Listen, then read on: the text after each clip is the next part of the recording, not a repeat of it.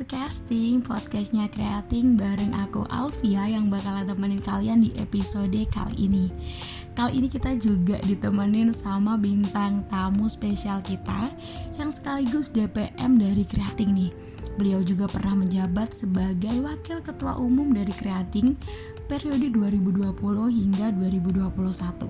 Siapa lagi kalau bukan Kak Ica nih? Mungkin kita langsung aja kenalan sama Kak Ica dan mungkin kita tanya-tanya nih kira-kira latar belakang dari Kak Ica ini pernah punya pengalaman apa aja sih?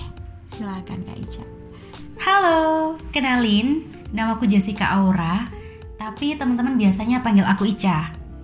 Oke, kalau ngomongin soal latar belakang, dulu sebelum masuk kreating Ica nggak terlalu sibuk juga sih sebenarnya. Paling ikutan volunteer sambil ngejalanin bisnis kecil aja. Tapi kalau di kampus sendiri Ica pernah sempat ikutan UKM Kopma loh. Itu aja sih selebihnya Ica suka masak nonton film sama kalau yang berhubungan dengan iklan mungkin konsep ngedit tipis-tipis lah gitu. Kalau boleh tahu nih kenapa sih Kak Ica itu pilih creating jadi lab pilihannya Kak Ica nih di antara beberapa pilihan lab-lab lain yang juga menarik buat dipilih. Kenapa kok Kak Ica akhirnya memilih creating? Kenapa pilih creating? Ya kenapa enggak? Karena nih ya, jujur aja, creating tuh tempatnya nyaman banget. Itu sih alasan terbesar utama. Apalagi nih, adanya program badis tuh kayak ngebuat kita jadi punya seseorang yang bisa diajak sharing apa pun. Dan di creating juga, meskipun kelihatannya santai nih ya, tapi dalam pembuatan iklan atau event apa pun tuh serius dan detail banget gitu. Jadi seru. Dan sesuai dengan tagline-nya, merdeka dalam berkarya. Itu true banget sih. Karena cuma di sini semua bebas berkarya, asalkan gak melanggar norma mah gas. Terus selama di creating ini Kak Ica pernah ngerasain jadi job desk apa aja nih selama bikin iklan ataupun mungkin kepanitiaan? Pernah dapat job desk apa di iklan? Dulu banget sih Ica pernah kedapetan job desk cewek pas waktu event produksi akbar. Nah, dari yang awalnya nggak tahu, cewek itu apa sih? Tugasnya ngapain aja? Jadi bisa belajar dan sedikit tahu. Terus nih kalau di event creating sendiri, Ica biasanya kedapatan tugas jadi anak acara. Nah, jadi anak acara tuh seru banget sumpah.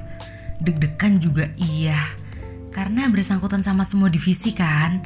Apalagi ada beberapa divisi yang gak bisa jalan duluan kalau anak acara belum ngambil keputusan. So, anak acara tuh sering banget rapat Nah, tanpa disadari di situ kita bisa bonding atau saling mengenal antar anggota. Dari yang awalnya cuma say hi doang nih, basa-basi, lambat laun bisa bercanda bareng dan jadi deket. Menurut Kak Ica, uh, serunya ketika udah gabung di creating sama mungkin serunya bikin iklan tuh apa aja sih Kak? Serunya di creating. Yang paling seru di creating itu nggak ada tembok sih. Semua ngebaur jadi satu, tempat ternyaman deh pokoknya.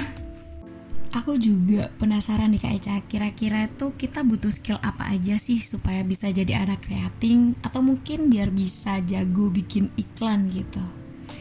Skill yang dibutuhin biar bisa jadi anak kreating. Jadi di kreating sendiri tuh nggak ada patokan wajib. Kayak harus pinter ngedit, harus pinter bikin iklan, nggak ada kayak gitu. Ica pun sama sekali nggak bisa ngedit, tapi merasa bisa dalam hal lain nih. Karena di creating tuh banyak banget ilmunya. Asalkan kalian punya jiwa kepo dan pengen belajar. Itu sih kunci utama yang harus dimiliki oleh semua yang ingin join di creating. Eits, bukan berarti yang bisa ngedit itu nggak penting ya. Itu tetap penting, sangat penting.